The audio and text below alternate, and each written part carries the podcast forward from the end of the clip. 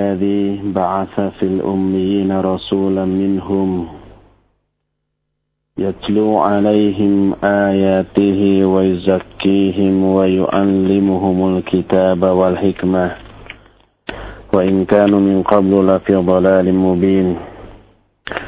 وهو الذي أرسل رسوله بالهدى ودين الحق ليظهره على الدين كله ولو كره المشركون. وأشهد أن لا إله إلا الله وحده لا شريك له إقرارا به وتوحيدا وأشهد أن محمدا عبده ورسوله صلى الله عليه وعلى آله وأصحابه وسلم تسليما مزيدا وبعد. أيها الإخوة أعزكم الله. Alhamdulillah kita berjumpa kembali. Untuk melanjutkan kajian kita yang pada hari Jumat yang lalu pembahasan kita sudah sampai pada penjelasan tentang surga sebagai bagian dari keimanan kita kepada hari akhir atau rukun iman yang kelima. Beberapa poin tentang surga kemarin sudah kita jelaskan dan poin terakhir yang kita bahas kemarin adalah orang-orang yang masuk surga tanpa hisab dan orang-orang yang masuk surga setelah terlebih dahulu masuk ke dalam neraka lalu mereka disebut oleh para ahli surga dengan sebutan al-jahannamiyin kita masih akan berbicara tentang surga sepanjang atau sejauh mungkin atau semendalam mungkin sebatas yang kita ketahui dari Al-Quran dan sunnah-sunnah Nabi Sallallahu Alaihi Wasallam.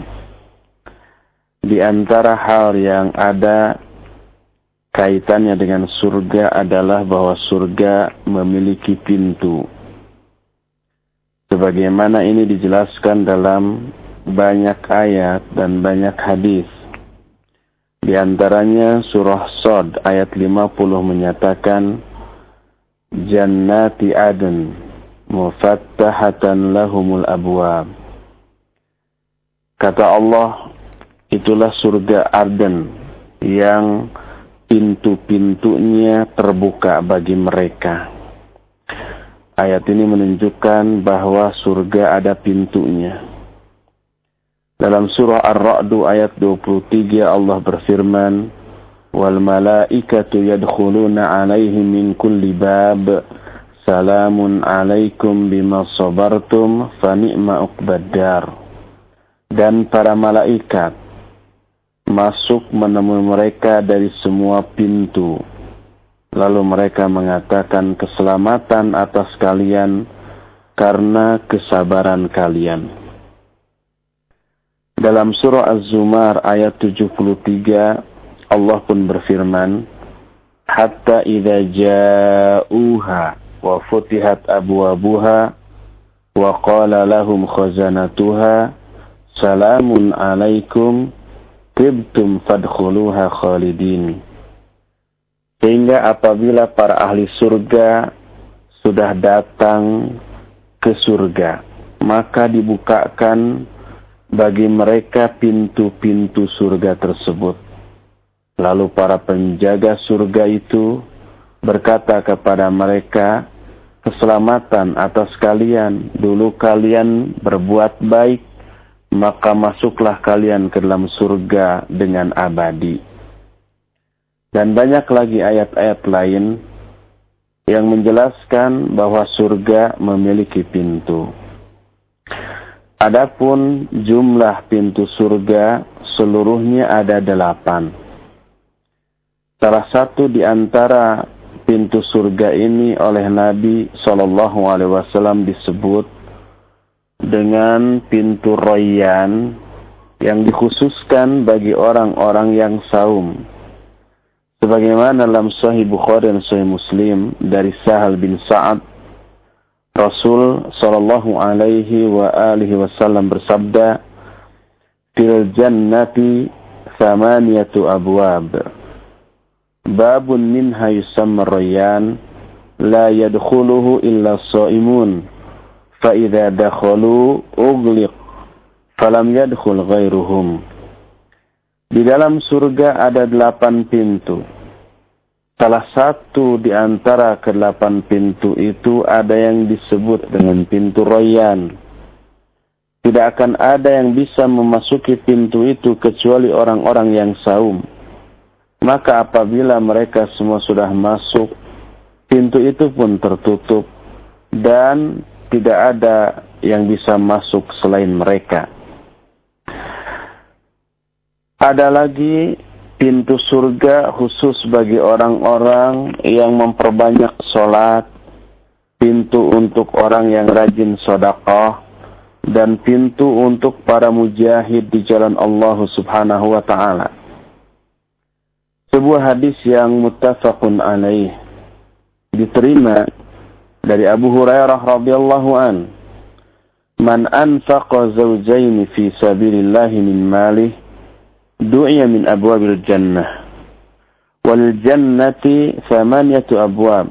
Faman kana min ahli shalah du'iya min babi shalah wa kana min ahli sadaqah du'iya min babi sadaqah wa kana min ahli jihad du'iya min babi jihad wa kana min ahli siam du'iya min babi siam.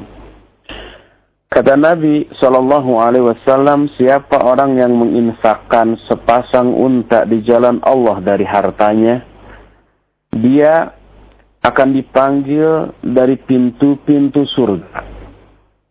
Dan surga itu memiliki delapan pintu. Maka siapa orang yang termasuk ahli sholat, dia akan dipanggil dari pintu sholat.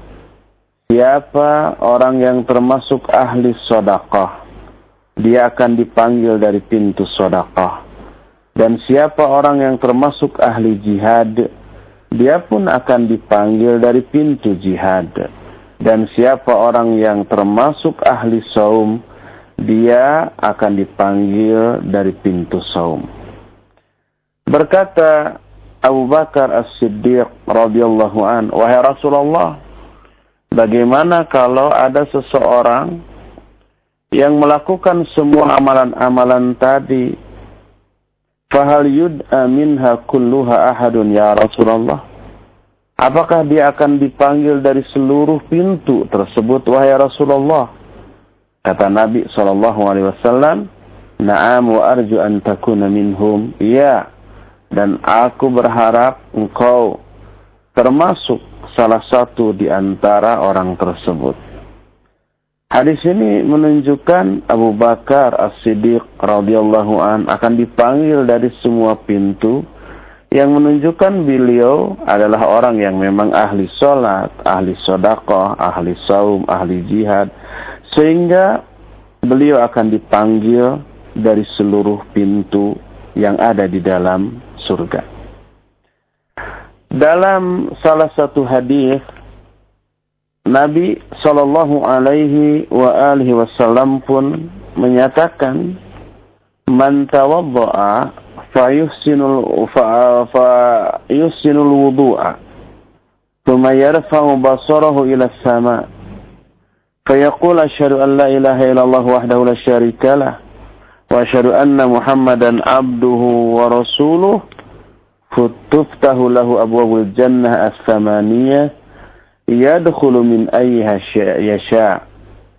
Kata Nabi alaihi salatu wassalam,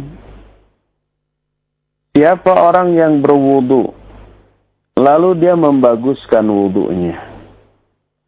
Kemudian dia mengangkat kepalanya ke langit sambil berkata, Asyhadu an la ilaha illallah wahdahu la syarikalah wa asyhadu anna Muhammadan abduhu wa rasuluh akan dibukakan bagi dia delapan pintu surga. Dia boleh masuk melalui pintu mana saja yang dia suka. Hadis ini pun menjelaskan bahwa surga itu memiliki pintu dan pintu surga itu seluruhnya berjumlah delapan. Adapun luas atau lebar dari lubang pintu di, yang ada di surga, jangan dibayangkan seperti pintu-pintu rumah kita. Yang paling lebarnya itu tiga meteran lah dengan dua daun pintu. Kalau toh ada yang lebih luas, mungkin ada yang 10 meter, mungkin itu pintu gerbangnya. Itu di dunia.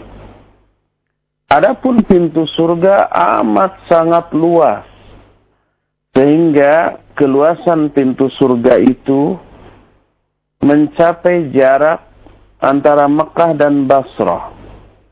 Sebagaimana dijelaskan dalam hadis yang muttafaqun alaih.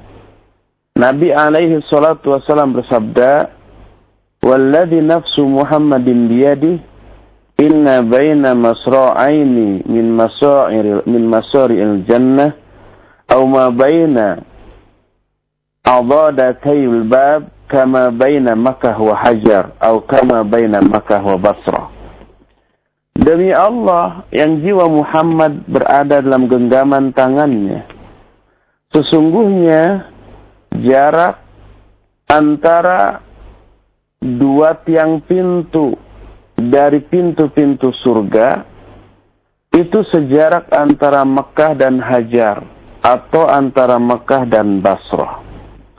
Ini menunjukkan bahwa pintu surga itu amat amat sangat luas. Kadang-kadang pada waktu-waktu tertentu pintu surga tersebut dibuka. Seperti umpamanya pada waktu bulan Ramadan. Sebagaimana dalam hadis yang sahih riwayat Imam Bukhari dan Imam Muslim diterima dari Abu Hurairah radhiyallahu an Rasul alaihi salatu wasallam bersabda idza dakhala syahru Ramadan futihat abwabul abwabus sama wa fi riwayah futihat abwabul jannah wa ghuliqat abwabun nar Apabila masuk bulan Ramadan maka akan dibuka pintu-pintu langit. Dalam riwayat lain akan dibuka pintu-pintu surga dan akan ditutup pintu-pintu neraka. Ini semuanya menunjukkan bahwa surga memiliki pintu dan jumlah pintu yang ada di dalam surga ada delapan dan lubang pintunya tersebut amat sangat luas mencapai jarak antara Mekah dan Basrah atau kalau ditempuh dengan hitungan waktu itu baru akan bisa tertempuh dalam jarak waktu 40 tahun. Sebagaimana dijelaskan dalam hadis yang diterima dari Muawiyah bahwa Rasul alaihi salatu wasallam bersabda, "Innama baina masra'aini fil jannah masiratu arba'ina sana. Kata Nabi SAW sesungguhnya jarak antara dua lubang pintu surga itu sejarak 40 tahun perjalanan. Ini juga dijelaskan dalam hadis yang diriwayatkan oleh Imam Muslim, Imam Ahmad dari Utbah bin Ghazwan dia menyatakan laqad dzukira lana annama baina masra'aini fil jannah masiratu arba'ina sana. Telah diterangkan kepada kami bahwa jarak antara dua lubang pintu di surga itu sejarak 40 tahun perjalanan. Dan ini menunjukkan amat sangat luasnya pintu surga tersebut sehingga Jangan khawatir kaum mukminin ahli surga akan memasuki surga secara berdesak-desakan. Karena sempitnya umpamanya. Tidak. Tapi pintu surga amat sangat luas dan seluruhnya berjumlah delapan. Inilah penjelasan yang berkaitan dengan surga. Selain itu, surga ada tingkatan-tingkatan. Sehingga tidak semua ahli surga menempati tingkatan yang sama di surganya. Hal ini disebabkan karena kualitas amal, kualitas iman, amal soleh, ibadah yang dilakukan oleh kaum mukminin di dunia itu berbeda-beda. Sehingga apabila kualitas dan kuantitas amal berbeda, otomatis balasan yang Allah berikan kepada mereka juga tidak mungkin sama sebagai wujud keadilan Allah Subhanahu wa taala. Jangankan manusia biasa, para nabi sekalipun kemuliaan dan kedudukan mereka dalam pandangan Allah Subhanahu wa taala berbeda-beda satu sama lain. Sebagian lebih utama dari sebagian yang lain. Sebagaimana firman Allah dalam surah Al-Baqarah 253 Allah berfirman Tilkar rusulu faddalna ba'dahum ala ba'd. Min, minhum man Allah wa ba'dahum darajat Kata Allah itulah para rasul kami telah melebihkan sebagian para rasul itu di atas sebagian rasul yang lain di antara mereka ada yang diajak bicara secara langsung oleh Allah. Dan Allah mengangkat sebagian dari para rasul itu beberapa derajat. Juga dijelaskan dalam Al-Isra 55 Allah berfirman walaqad faddalna ba'dhan nabiyyin ala ba'din wa atayna Dawuda zabura. Dan kami telah melebihkan sebagian para nabi di atas sebagian yang lain. Dan kami telah berikan kepada Nabi Daud kitab Zabur. Ini di kalangan para nabi atau para rasul. Demikian juga di kalangan orang-orang mukmin. Sebagian mereka berbeda dengan sebagian yang lain dalam hal keutamaan dilihat dari segi kuat lemahnya iman. Sebuah hadis yang terdapat dalam kitab Sahih Muslim diterima dari Abu Hurairah radhiyallahu an bahwa Nabi alaihi salatu wasallam bersabda al-mu'minul qawiyyu khairun wa ahabbu ila Allah minal mu'minid dha'if wa fi kullin khairun. Kata Nabi SAW, seorang mukmin yang kuat lebih baik dan lebih dicintai oleh Allah dibandingkan seorang mukmin yang lemah. Syaikhul Utsaimin menyatakan bahwa yang dimaksud mukmin yang kuat itu kuat keimanannya itu lebih baik dibanding mukmin yang lemah keimanannya. Dan wa kullun wa fi khairun dan di, di dalam masing-masing kedua orang mukmin yang kuat dan lemah ini ada kebaikan. Dan hadis ini menjelaskan ada perbedaan kualitas iman di kalangan orang-orang mukmin, ada yang lemah, ada yang kuat. Otomatis kelemahan iman melahirkan ibadah sesuai dengan kadar lemah imannya. Dan orang yang kuat imannya akan melahirkan ibadah yang tentu saja lebih berkualitas dari yang lemah imannya. Lihat juga surah Al-Hadid ayat yang ke-10. Allah berfirman, La yastawi minkum man anfaqa fi, uh, qablil fat wa qatal. Ulaika a'zamu darajatan min alladhina anfaqu min ba'du wa qatalu. Wa kullan wa'adallahu al-husna. Tidaklah sama di antara kalian antara orang-orang yang berinfak sebelum futuh Mekah dan berperang. Infak dan perangnya sebelum futuh Mekah. Mereka lah orang-orang yang lebih tinggi derajatnya daripada orang-orang yang berinfak dan berperang setelah futuh Mekah. Kalau sebelum futuh Mekah, tekanan dari orang kafir begitu kuat, begitu gencar. Kondisi kaum muslimin masih agak lemah. Dalam kelemahan kondisi kaum muslimin secara keseluruhan tersebut, Kalau ada orang yang berani infak, berani berperang, oh itu kualitas imannya hebat. Adapun setelah Futuh Mekah, Mekah sudah menjadi negeri muslim, orang-orang kafirnya banyak yang sudah masuk Islam, yang tetap dalam kekafirannya juga tidak berkutik, sehingga tidak ada tantangan yang demikian berat untuk berinfak dan berperang saat itu. Sehingga kalau toh infak dan perang, kualitas dari kedua amal tadi berbeda dengan infak dan perang sebelum Futuh Mekah. Oleh karena itulah, maka ayat ini menunjukkan perbedaan yang Allah tetapkan antara orang-orang yang berinfak dan berperang sebelum Futuh Mekah dengan setelah Futuh Mekah. Dan banyak lagi ayat-ayat lain yang menjelaskan bahwa kualitas iman setiap mukmin itu berbeda-beda dan ini mempengaruhi kuantitas dan kualitas amal dari orang-orang mukmin tadi tentu saja berbeda-beda. Para nabi berbeda-beda, orang-orang yang beriman juga berbeda-beda, otomatis balasan yang Allah berikan kepada mereka di surga juga tidak sama.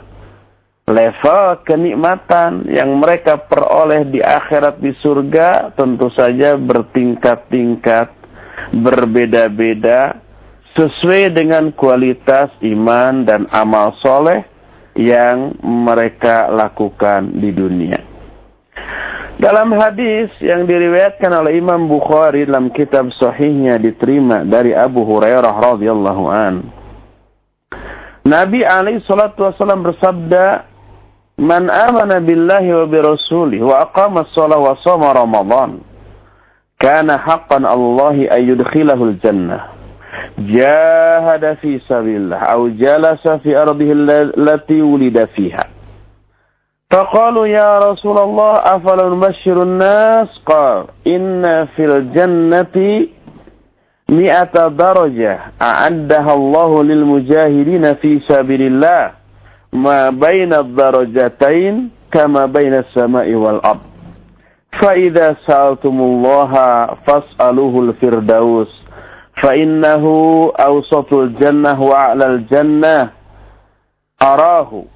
قال wa fawqahu arsul rahman wa minhu tufajjaru anhalul jannah.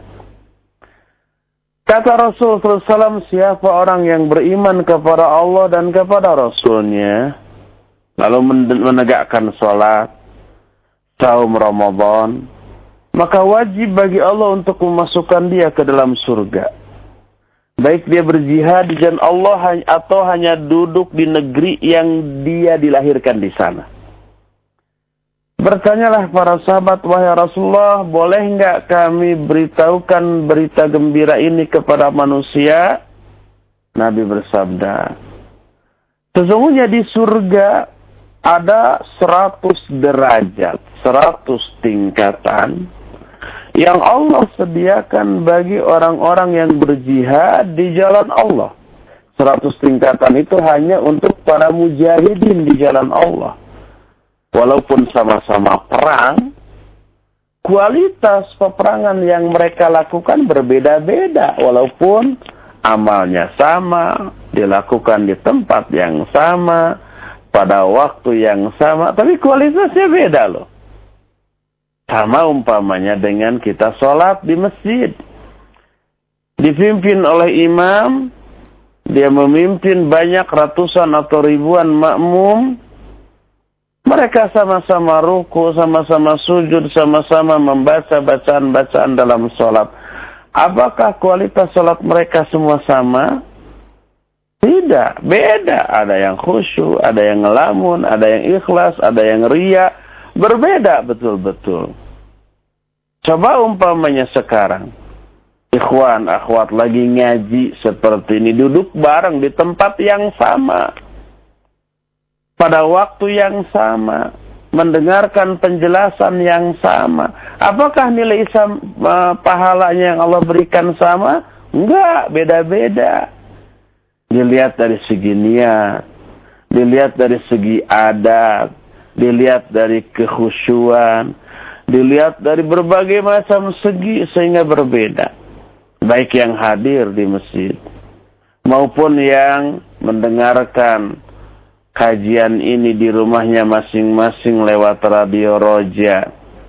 Ada yang khusyuk mendengarkan di hadapan radionya. Ada yang sambil menulis, ada yang sambil nyetrika, ada yang sambil ngemil, ada yang sambil beres-beres. Itu berbeda-beda nilai pahalanya.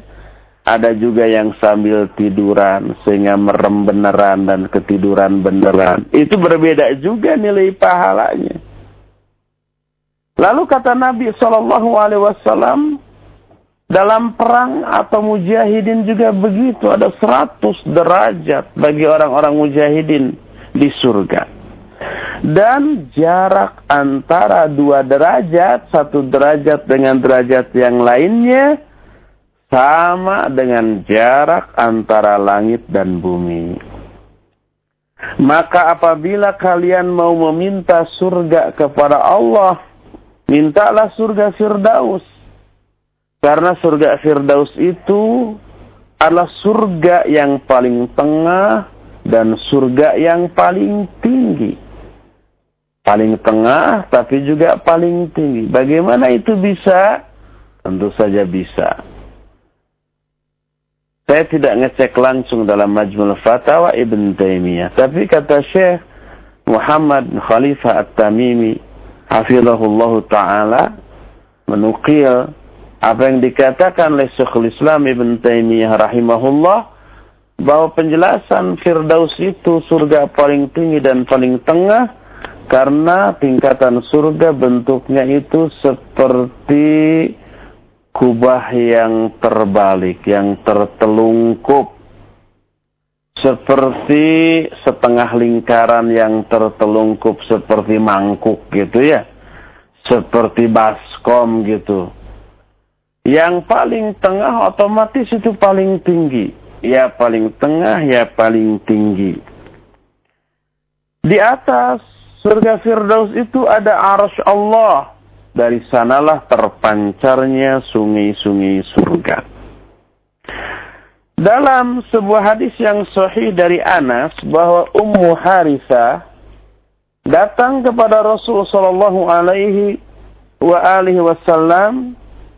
Harithah adalah seorang sahabat yang gugur. Pada waktu perang Badar dia terkena panah nyasar dan tewas. Datang ibunya yaitu Ummu Harisah. Dia datang, "Ya Rasulullah, qad alimta mawqi'a Harisah min qalbi. Fa kana min ahli jannah lam abki 'alayhi wa illa sawfa tara asna'." Wahai Rasulullah, engkau telah tahu bagaimana kedudukan Harisah di dalam hatiku. Harisah ini anak emasnya bagi ibunya, belahan jiwanya. Anak yang paling dicintai dan dikasihinya lalu gugur di medan perang.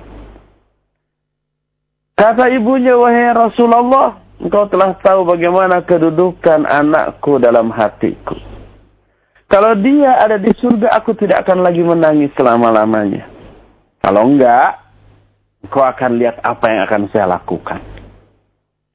Berkatalah Rasul sallallahu alaihi wa alihi wasallam kepadanya, "Ajannatun wahidah ya, innaha janan kathira wa innaha fil firdausil a'la." Kata Nabi kepada Ummu Harisa, apakah surga itu cuma satu? Enggak. Surga itu banyak. Dan Harisa berada di surga Firdaus yang paling tinggi. Ini terdapat dalam Sahih Bukhari. Maka Ummu Harisah tidak menangis senang, bahagia. Apa yang harus disedihkan? Kalau orang yang dicintainya sedang berbahagia. Sedang mengalami sukacita yang luar biasa, pasti ikut bahagia ya. Kita akan merasa sedih. Kalau orang yang kita cintai menderita sedih atau mengalami suatu masalah yang membuat dia inti murung gitu ya. Baik anak kita, istri kita, saudara kita, tahu aja umpamanya bahwa mereka itu sedang sedih, sedang menderita, kita menangis. Kadang-kadang kitanya lebih menderita daripada penderitaan anak kita, umpamanya anak kita sakit. Kita melihatnya kasihan sampai kita sedih, sampai menangis. Anaknya aja nggak menangis, eh ibunya menangis gitu ya. Padahal yang sakit anaknya. Tapi kalau melihat, walaupun jauh gitu ya, Anak kita senang, gembira, bahagia. Kita pun ikut senang, gembira, dan bahagia. Umpah anak kita di luar kota. Karena sekolah, karena mesantren. Lalu kita telepon. Pakai HP. HP-nya 3G lagi. Jadi kita bisa melihat roman wajah anak kita. Ketika telepon, anak kita sedang happy, senang, bahagia, sumringah. Mulutnya lebar, senyum terus. Bagaimana kabarmu nak? Alhamdulillah Abi Umi pokoknya saya senang di sini sukalah betah di sini. Kita juga bisa menangis karena ikut bahagianya, senang gitu kan. Demikian juga kalau anak kita mati meninggal tapi sebagai syahid di jalan Allah. Dia tidak menderita bahkan dia bahagia. Lalu apa yang menjadi alasan bagi kita untuk menangis? Ini hiburan bagi ibu-ibu, bapak-bapak yang pernah atau suatu saat mungkin walaupun kita sama sekali tidak mendoakannya ya. Suatu saat umpamanya anaknya yang masih balita meninggal dunia direnggut nyawanya oleh Allah Subhanahu wa taala. Lagi lucu-lucunya, lagi gemes-gemesnya, umpamanya usia setahun, setahun setengah seperti itu Kata orang Sunda mah seng serang panon kembang buruan. Itu nggak ada terjemahannya. Kalau diterjemahkan jadi ngaco maknanya kembang buruan artinya bunga pekarangan. Nggak ada makna dalam bahasa Indonesia. Tapi kembang buruan dalam bahasa Sunda artinya penghibur. Anak yang lagi lucu-lucunya, lagi gemes-gemesnya menghibur orang tuanya lagi capek, lagi stres, lagi sedih lihat anak kita yang lucu, semua kesedihan, stres itu bisa hilang melihat kelucuan anak-anak kita yang pada usia-usia seperti itu. Lagi lucunya, lagi gemesnya meninggal. Kalau enggak ingat kepada keterangan Nabi SAW bahwa anak yang meninggal ketika balita itu akan menjadi ahli surga akan menjadi hijab bagi orang tuanya dari api neraka. Mungkin orang bisa gila. Tapi seorang mukmin ingat, apa yang harus disedihkan sih? Anak kita bahagia. Anak kita tidak akan ke neraka. Anak kita akan menjadi penyelamat kita di akhirat nanti. Oleh karena itu, menangis boleh, tetapi jangan sampai lebay, kata orang sekarang berlebih-lebihan dalam hal menangis. Karena anak kita yang meninggal itu sedang berbahagia. Dan akan menyelamatkan kita dari azab neraka di akhirat nanti. Dalam salah satu hadis yang diriwayatkan oleh Imam Bukhari dan Imam Muslim dalam kitab sahihnya masing-masing dari Abu Sa'id Al-Khudri radhiyallahu anhu Rasul alaihi salatu wasallam bersabda, "Inna ahlal jannati yatara'una ahlal ghura min fawqihim kama yatara'una al-kawkab fil ufuq min al-masriq awil maghrib." Kata Nabi SAW, sungguhnya ahli surga itu saling melihat para penghuni kamar surga dari atas mereka. Dan nanti ada dialog antara para ahli surga tersebut. Dan dialog juga bahkan terjadi antara ahli surga dengan ahli neraka. Mereka saling bertanya keadaan dan saling bertanya tentang penyebab dan seterusnya dan seterusnya. Allah Subhanahu wa taala di dalam Al-Qur'an umpamanya surah Al-Furqan ayat 75 menyatakan ulaika yujzaunal ghurfata bima sabaru. Mereka itu akan dibalas dengan kamar-kamar di surga karena kesabaran mereka. Demikian juga dalam Al-Quran surah Saba ayat 37 disebutkan. Faulaika lahum jaza'ud di'fi bima amilu wa hum fil wa hum fi aminun. Mereka lah orang-orang yang akan dibalas dua kali lipat karena amal-amal mereka dahulu dan mereka akan berada di kamar-kamar dalam keadaan nyaman. Ini semuanya menunjukkan bahwa para ahli surga di surganya nanti itu menempati tingkatan tempat yang berbeda-beda, tidak hanya satu level, tidak hanya satu tingkat, tapi bertingkat-tingkat dan ini didasarkan kepada kualitas iman, ibadah, dan amal soleh yang mereka lakukan di dunia. Lalu, siapakah penghuni surga yang terendah kedudukannya? Dan siapa pula penghuni surga yang tertinggi kedudukannya? Dalam hadis yang sahih riwayat Imam Muslim dari Mughirah bin Syu'bah.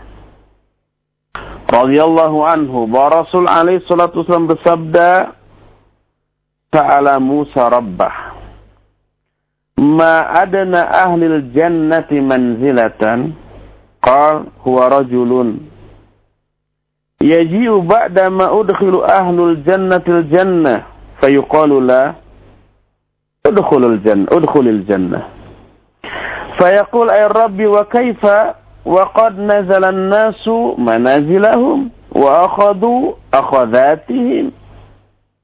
فيقال له أترضى أن يكون لك مثل ملك ملك من ملوك الدنيا؟ فيقول رضيت ربي. فيقول لك ذلك ومثله ومثله ومثله ومثله. فقال في الخامسة رضيت ربي. فيقول لك هذا وعشر أمثاله ولك ما, ما اشتهت نفسك ولدت عينك فيقول ربي رضيت ربي Kata Rasul SAW, Nabi Musa bertanya kepada Allah, bagaimanakah kedudukan terendah dari kalangan ahli surga? Dijawab oleh Allah seseorang yang datang setelah seluruh ahli surga menempati surga. Lalu Allah berkata kepada orang itu, masuklah kamu ke dalam surga. Orang itu berkata, Ya Allah bagaimana saya masuk ke dalam surga? Semua orang sudah menempati tempatnya masing-masing dan telah mengambil bagiannya masing-masing. Jadi sudah penuh surga itu. Allah berkata, Ridhokah engkau kalau engkau diberi fasilitas kemewahan seperti raja di raja di antara raja-raja dunia. Kebayang ya, orang yang paling perkasa yang dimaksud dengan raja dalam sistem atau di dalam apa namanya sistem yang sudah berlaku pada zaman dahulu ketika di zaman Nabi SAW raja itu penguasa itu pemilik harta negara secara keseluruhan. Jadi pasti paling kaya. Pasti paling kaya. Otomatis fasilitasnya paling mewah. Seperti seperti kerajaan-kerajaan yang ada sekarang di negara-negara yang berbentuk kerajaan, umpamanya di Belanda, di Inggris. Kekayaan negara adalah kekayaan penguasa di sana ratu kan yang berkuasa, bukan raja. Di Belanda ratu, di Inggris ratu, pajak itu semua masuk ke negara maksudnya milik ratu dan keluarganya. Otomatis paling kaya, otomatis juga paling mewah fasilitasnya. Mau nggak aku berikan kepada kamu fasilitas kemewahan seperti raja di raja di dunia? Orang itu menyatakan, saya ridho ya Allah. Kata Allah, engkau akan diberikan seperti itu, terus diberikan lagi seperti itu, seperti itu, seperti, berkali-kali lipat, sampai ketika Allah mengatakan yang kelima kalinya, orang itu menyatakan, aku ridho ya Allah. Allah menyatakan kamu akan diberikan sepuluh kali lipat dari kemewahan raja di raja di antara raja-raja dunia dan kamu akan memperoleh apa pun yang kamu inginkan yang akan yang akan memuaskan uh, hasratmu dan membahagiakan jiwamu. Aku ridho ya Allah. Ini penghuni surga dengan level dengan level atau tingkatan yang paling rendah. Berkata lagi Nabi Musa, Rabbi fa'alahum manzilatan. Ya Allah sekarang bagaimana level tertinggi, kedudukan tertinggi di surga. Maka Allah menjawab, Ulaika alladhina aradtu غرست كرامتهم بيدي وختمت عليها فلم ترعين ولم تسمع أذن ولم يخطر على قلب بشر Kata Allah, mereka adalah orang-orang yang aku inginkan. Yang aku inginkan kemuliaan bagi mereka dengan tanganku. Engkau tidak akan bisa tidak akan pernah melihatnya, engkau tidak pernah mendengarnya, dan tidak pernah keindahan dan kenikmatan tersebut terbayangkan, terbersitkan dalam hati manusia. Dan inilah kebenaran firman Allah yang tertuang dalam surah As-Sajdah ayat 70 ayat 17 fala ta'lamu nafsum ma ukhfiya lahum min qurrati a'yun maka jiwa mana pun tidak akan mengetahui apa yang disembunyikan bagi mereka berupa kebahagiaan di surga.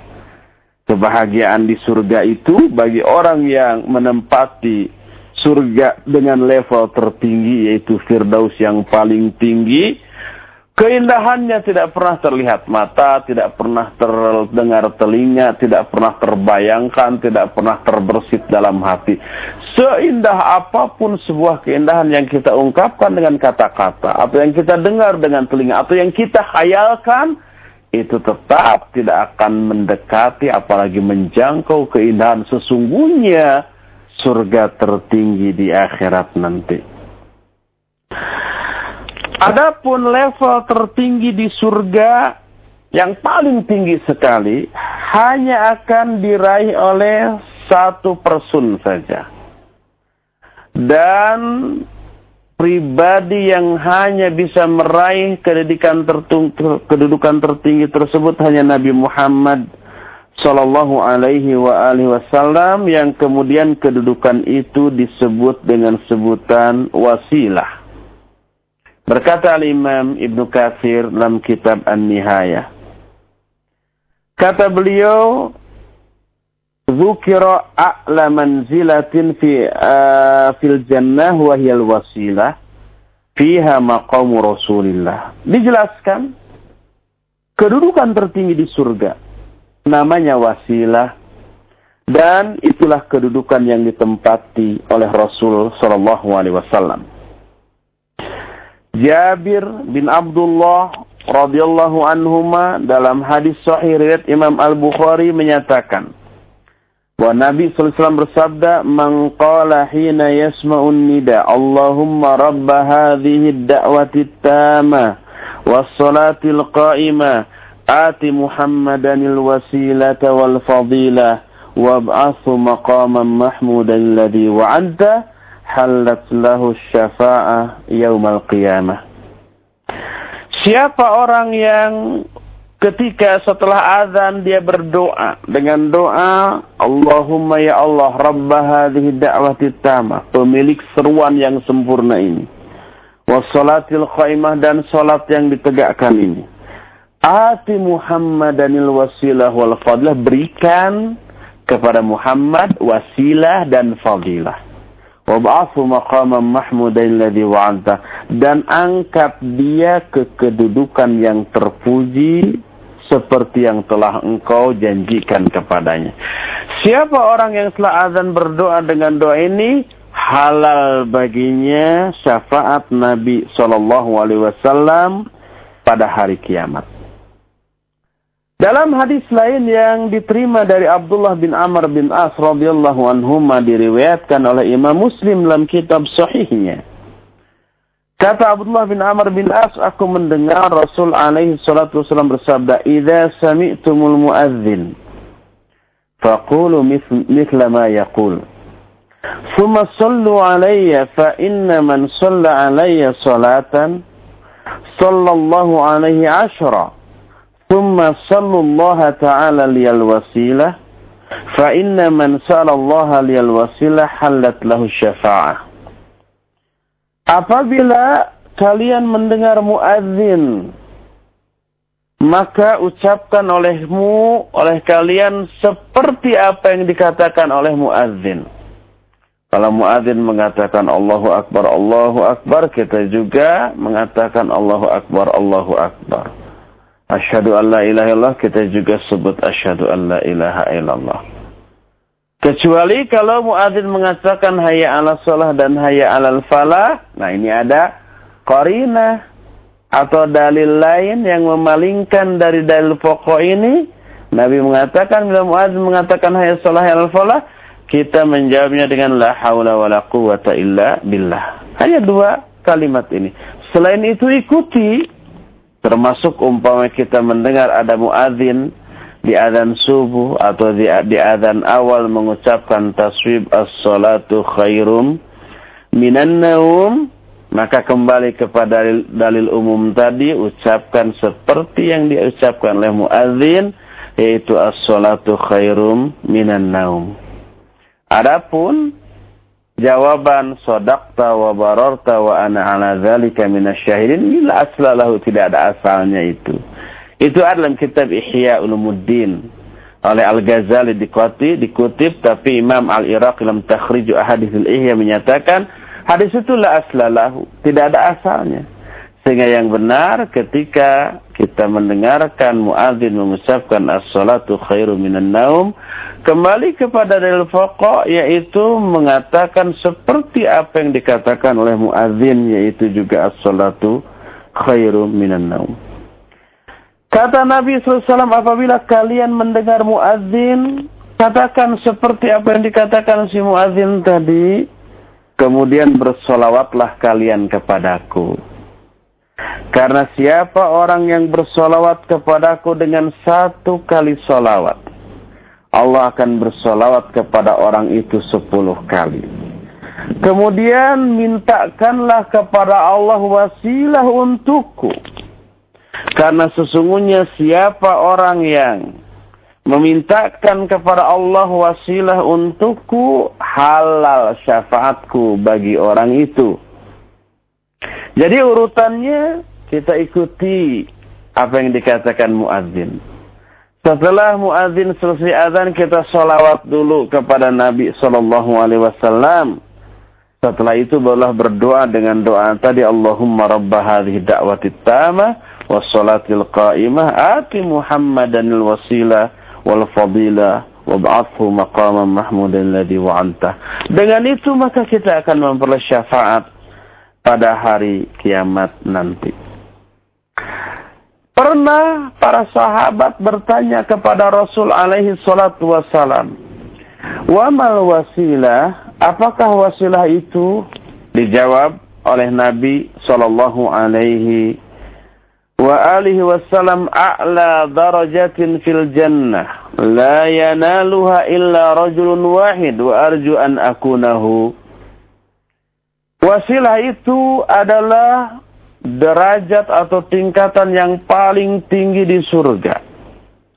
Tidak akan bisa diraih kecuali oleh satu orang saja. Dan aku berharap akulah orang itu. Jadi, yang akan bisa meraih wasilah tersebut hanyalah Nabi Shallallahu Alaihi Wasallam. Ini hadis diriwayat Imam Ahmad dari Abu Hurairah radhiyallahu an dan dalam riwayat yang diterima dari Abu Sa'id, Rasul Ali salatu wasallam bersabda, "Al-wasilatu darajatan darajatun indallah. Laisa fawqahu darajah, fasallullaha ayyutiyani al-wasilah." Wasilah adalah satu derajat adalah sebuah derajat di sisi Allah.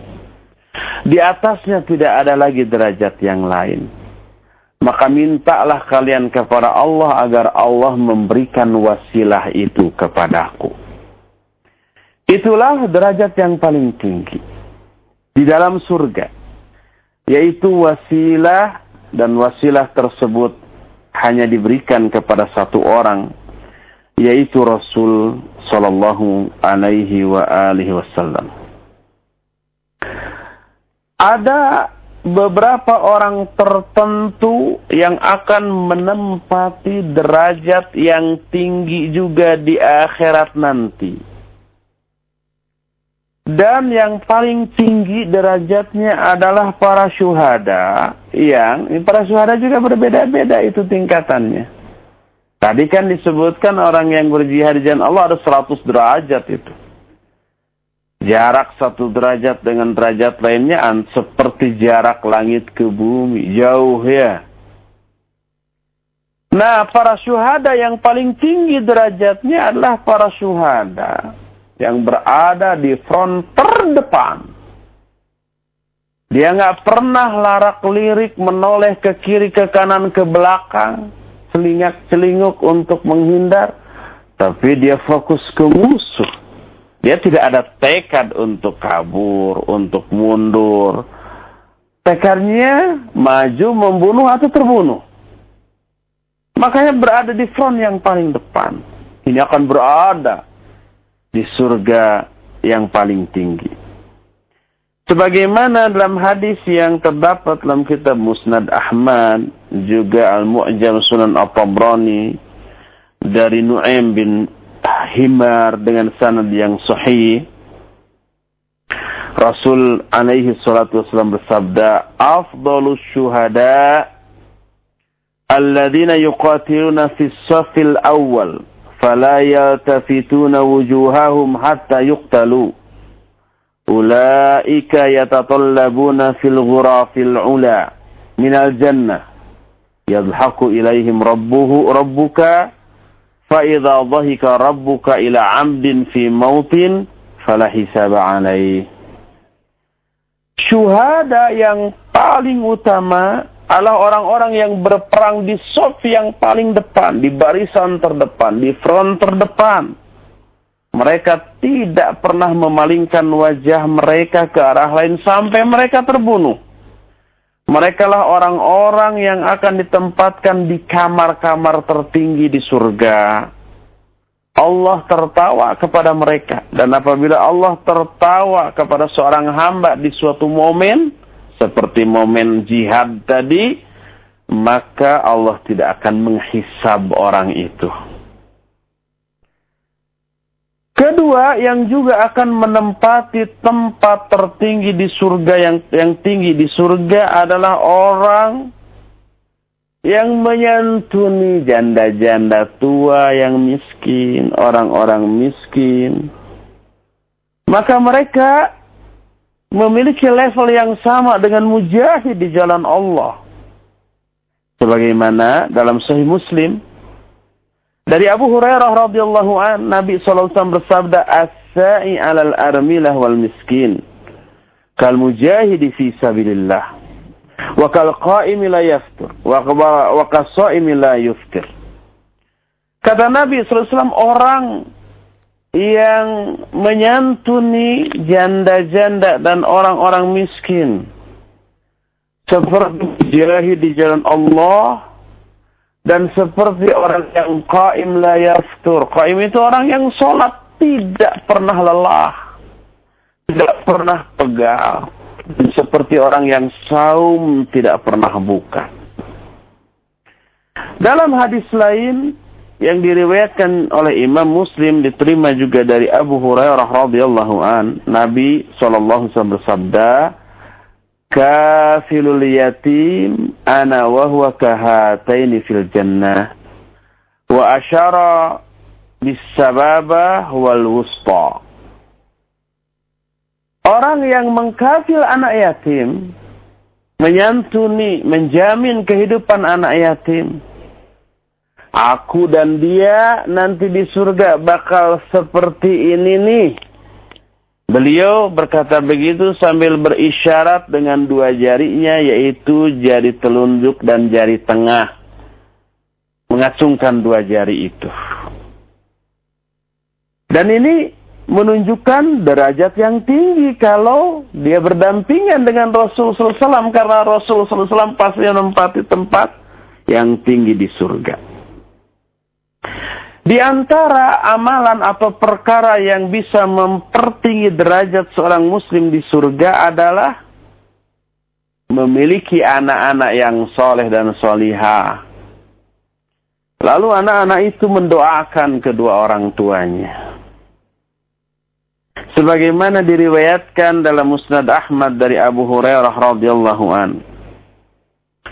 Rasul sallallahu alaihi wa alihi wasallam bersabda, Inna Allah la yarfa'u darajata lil 'abdi salih fil jannah. Fayaqulu ya Rabbi anna li hadhihi fayaqul bi istighfari waladika lak.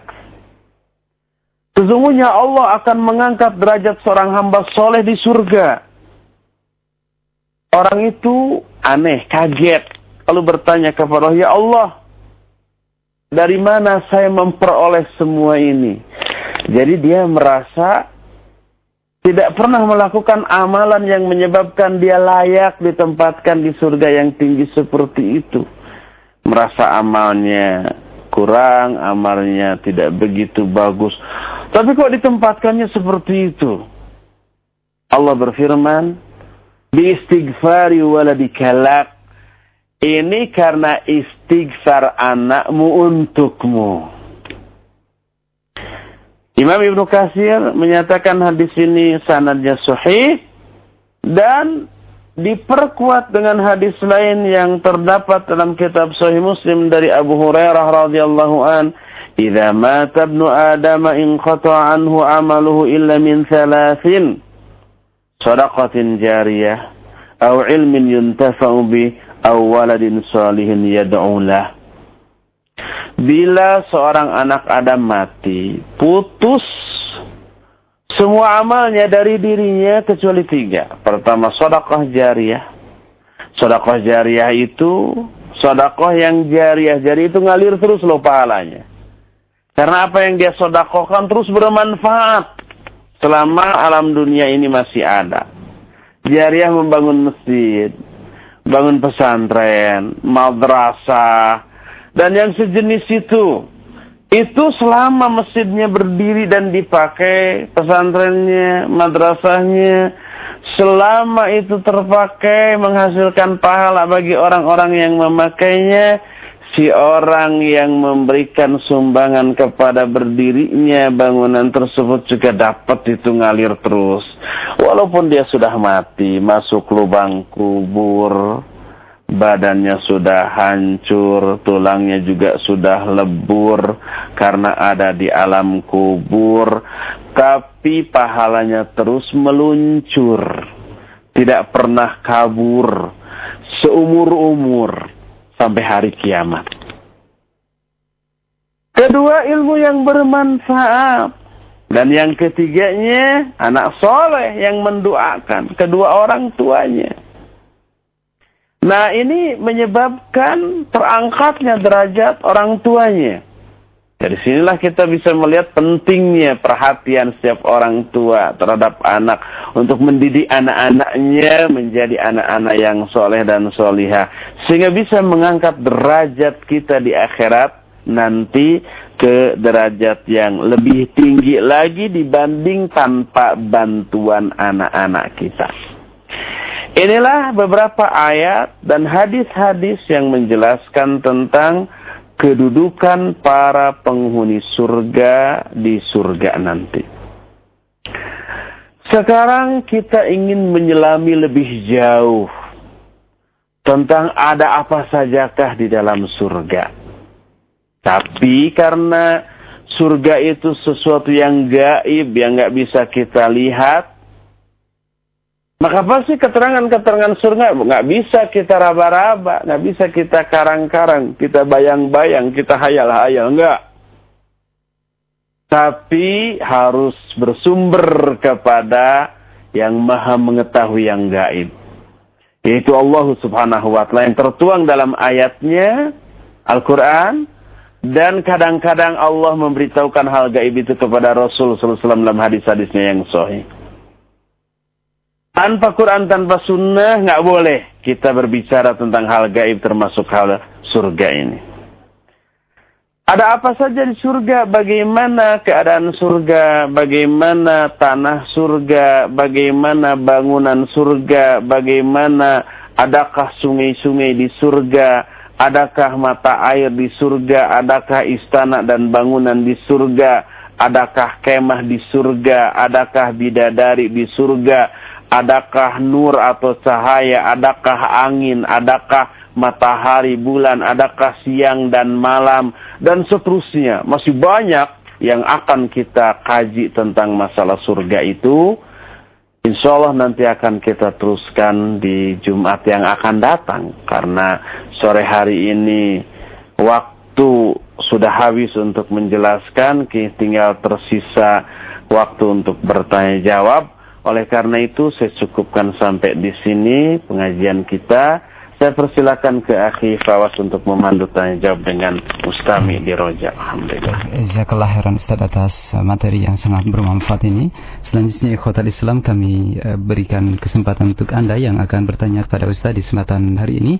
Anda bisa hubungi kami di layanan on air 0218236543 atau melalui pesan singkat di 0819896543. Halo. Halo, Assalamualaikum Pak. Waalaikumsalam warahmatullahi wabarakatuh. Saya Ari di Ciledug Pak. Silakan Pak Ari. Ya. Saya ingin menanyakan kepada Pak Ustaz. Uh, ada dua pertanyaan Pak. Yang pertama itu uh, seseorang yang keluar dari neraka terakhir kali dan masuk surga terakhir kali itu uh, saya baca di hadis itu besarnya iman itu kalau nggak salah itu hanya sebesar biji jarah Pak. Jadi kenikmatannya hmm. 10 kali lipat di dunia. Hmm. Uh, yang saya tanya ini amal apakah yang dikerjakan di dunia? Apakah dia tidak ada amalnya hanya goresan la ilaha illallah saja? Hmm. Nah yang kedua itu Pak Ustadz ya, uh, besarnya derajat itu berapa derajat ya di surga Pak Ustadz ya? Masa yang saya tahu itu ada yang membicarakan seribu derajat, ada yang membicarakan di buku lain itu sebanyak hmm. uh, jumlah ayat Al-Quran. Hanya itu aja Pak Ustadz ya. Ya, Assalamualaikum Pak Ustadz. Waalaikumsalam warahmatullahi wabarakatuh. Terima kasih Pak Ari. Silahkan Ustadz. Iya. Pertama tentang orang yang paling akhir masuknya ke dalam surga karena dia masuk dulu ke dalam neraka. Hadis itu benar ada, sahih riwayat Imam Bukhari dan Imam Muslim diterima dari Abdullah bin Mas'ud radhiyallahu an. Rasul SAW bersabda inni la'alamu akhira ahli nari khurujan minha wa akhir ahli jannati dukhulan minha. Rajulun yakhruju minan nar habwa. Fayaqulu Allah lahu idhhab fadkhulil jannah fayatiha فيخيل إليه أنها مليء. فيرجي. فيقول يا ربي وجدتها مليان. فيقول الله عز وجل اذهب فادخل الجنة فإن لك مثل الدنيا فإن لك مثل الدنيا وعشرة أمثالها أو إن لك مثل عشرة أمثال الدنيا. فيقول أتسخر بي أو تضحك بي وأنت المالك؟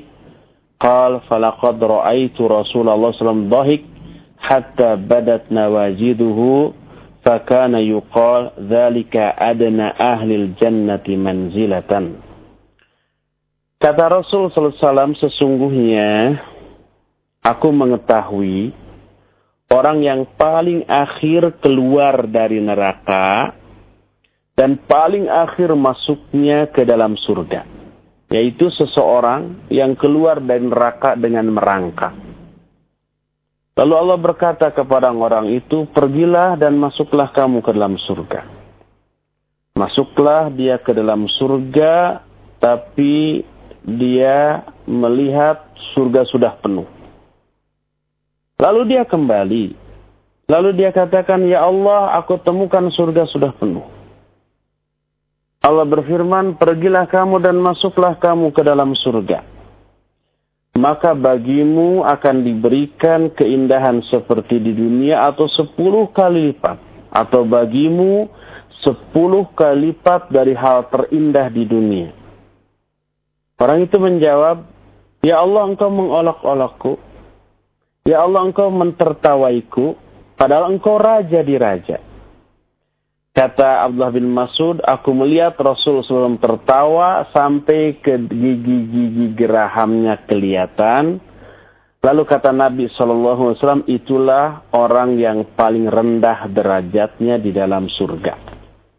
Jadi betul bahwa yang tadi saya ceritakan itu sebelumnya masuk dulu ke dalam neraka. Lalu amal apa yang dilakukan oleh orang itu? Amal yang dilakukan orang itu adalah sekecil-kecil amal yang dilakukan oleh kaum muslimin. Pada intinya seluruh kaum muslimin pasti, pasti, pasti dia masuk surga. Cuma ada yang langsung tanpa hisab, ada yang dihisab dulu lalu masuk surga dengan mudah. Ada juga yang harus nunggu dulu di Al-A'raf karena kebaikan dan keburukannya seimbang. Ada yang ke neraka dulu. Yang ke neraka dulu, ada yang sebentar lalu masuk surga, ada yang agak lama dan seterusnya. Dan yang paling terakhir tadi. Dan itu menunjukkan orang itu memiliki dosa yang paling besar di kalangan kaum muslimin dan paling banyak. Dan amal yang amat sangat paling sedikit. Sehingga dialah yang paling lama terlebih dahulu di nerakanya. Setelah itu, setelah dianggap lunas dosanya dengan azab yang dia alami di dalam neraka, barulah dia diangkat dan dimasukkan ke dalam surga, lalu diberikan sepuluh kali lipat kenikmatan dunia. Dan itulah serendah-rendahnya kenikmatan di surga. Adapun jenis amalnya apa tidak dijelaskan. Yang jelas itu adalah kaum muslimin dengan amal baik yang paling minim dan amal buruk yang paling banyak. Tapi selama amal buruknya tidak mengeluarkan dia dari Islam, tidak menjadikan dia kafir atau musyrik, masih dalam koridor keislamannya walaupun dosanya banyak dan besar, tetap dia suatu saat pasti akan ke surga walaupun yang paling akhir. Wallahu a'lam bishawab. Nah, jazakallah khairan Ustaz atas jawabannya. E, mengenai e, pertanyaan yang kedua Bapak tadi, mohon e, mungkin kita akan pending saja dengan Bapak e, Anda pertanyaannya yang e, sudah berada di ujung telepon yang tengah di perjalanan. Silakan Pak Anda. Assalamualaikum Ustaz. Waalaikumsalam warahmatullahi Barakallahu fikum. Ya. Uh, ini mengenai uh, tingkatan uh, di surga, Ustaz. Uh, kan ada beberapa tingkatan uh, seperti Firdaus yang tertinggi dan yang ada di bawahnya. Uh, apakah uh, seseorang yang sudah masuk ke dalam uh, suatu tingkatan surga itu uh, dia akan kekal di satu tingkatan itu uh, dan apakah dia bisa uh, mengunjungi atau uh, pindah ke tingkatan yang selanjutnya atau hmm. mungkin turun atau dan juga saling uh, bertemu untuk, ya. Uh, hmm. dan uh, apakah mungkin kita punya uh, orang tua atau anak yang di surga di yang berbeda tingkatan? Berbeda, apakah ya. kita bisa bertemu dengan uh, mereka gitu dengan orang-orang ya. yang kita cintai? Nah. Uh, demikian, uh, syukron, jazakumullah khair. Oh, iya. Assalamualaikum warahmatullahi wabarakatuh. Waalaikumsalam warahmatullahi wabarakatuh. Ya berkaitan dengan uh, tingkatan iya. surga. Hmm. Oh iya. Tadi dari Pak Ari ada ya. satu pertanyaan yang masih kelewat. Ya, berkaitan tentang, juga dengan pertanyaan uh, Bapak tadi. Hmm. Iya. Adapun seberapa banyak tingkatan di surga tidak ada nas dari Al-Quran atau hadis yang sahih yang menghasar atau membatasi dengan atau menentukan dengan jumlah tertentu tentang jumlah tingkatan surga. Tadi dikatakan ada yang seribu, ada yang mengatakan sebanyak ayat Al-Quran, ayat dalam Al-Quran, berarti enam ribu lebih gitu ya. Itu saya tidak temukan nasnya dan dalam buku-buku atau kitab-kitab yang menjelaskan tentang derajat surga tak ditemukan ayat atau nas hadis tentang masalah itu. Kalau toh ada barangkali itu adalah uh, istihad atau pemahaman para ulama tapi sekali lagi karena ini menyangkut hal yang gaib maka kita cukup tawakuf atau e, mencukupkan diri terhadap apa yang dijelaskan oleh nas Al-Quran dan nas Al-Hadis yang sahih. Selama menyangkut masalah gaib itu tidak dijelaskan dalam Quran atau hadis yang sahih, maka berarti mengetahui hal itu tidak penting dan membahas untuk mencari-cari mana yang benar jumlah dari tingkatan surga Selama tidak ada keterangan Al-Quran dan Sunnah berarti mengetahui hal itu termasuk hal yang tidak tidak dibutuhkan menurut ajaran syariat. Seperti itu. Nah sekarang pertanyaan Bapak yang barusan, iya. baga bagaimana tentang uh, para ahli surga yang tingkatannya berbeda-beda, apakah nanti mereka bisa berkelana di setiap tingkatan surga? umpamanya kita menempati tingkat uh, surga tertinggi di Firdaus yang paling tinggi. Bisa nggak kita berkelana ke surga yang lebih rendah gitu ya? Melihat-lihat bagaimana dan seterusnya gitu ya. Itu pertama. Yang kedua, di sini sudah ada iya, nih Fawas ya. Uh, Insya Allah kita akan akan kita lanjutkan di pekan depan Ustaz. Iya, khair. Insya Allah nanti kita akan bertemu Jumat yang akan datang. Ini menjadi PR ya. Ya, insya Allah. Sekian subhanakallahum bihamdik asyhadu an la ilaha illa anta astaghfiruka wa atubu ilaik. Wassalamualaikum warahmatullahi wabarakatuh.